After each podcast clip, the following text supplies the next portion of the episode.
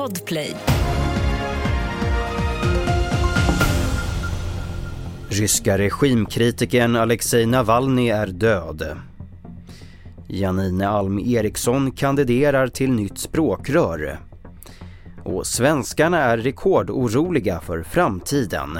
Det är rubrikerna och vi börjar med att den ryska regimkritikern Alexej Navalny har dött i fängelse i samband med en promenad. Det här enligt den ryska kriminalvården. Navalnys talesperson uppger dock att man inte fått någon bekräftelse på dödsbeskedet.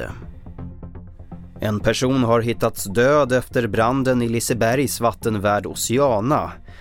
En man har varit saknad efter den kraftiga branden som började i måndags förmiddag. Hittills har det dock på grund av rasrisken varit omöjligt att söka igenom stora delar av den förstörda byggnaden. Men när polisens tekniker idag fick tillträde till den brandhärjade byggnaden så hittades en död person. Miljöpartiets ekonomisk-politiska talesperson Janine Alm Eriksson kandiderar till posten som språkrör. Det skriver Dagens Nyheter.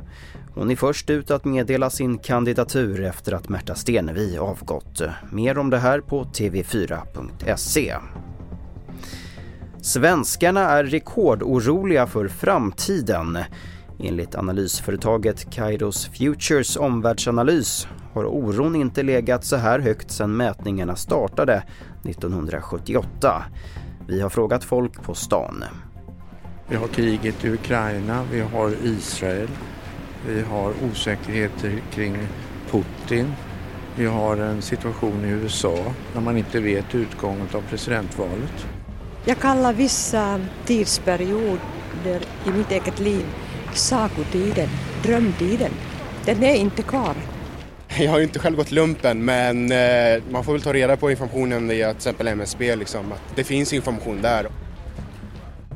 Fler nyheter på tv4.se och i vår nyhetsapp TV4 Nyheterna. Jag heter Albert Hjalmers.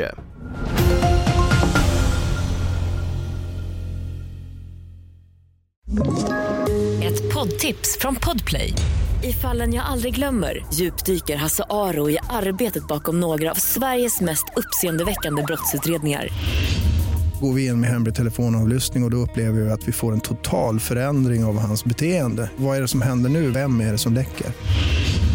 Och så säger han att jag är kriminell, jag har varit kriminell i hela mitt liv men att mörda ett barn, där går min gräns. Nya säsongen av Fallen jag aldrig glömmer på Podplay.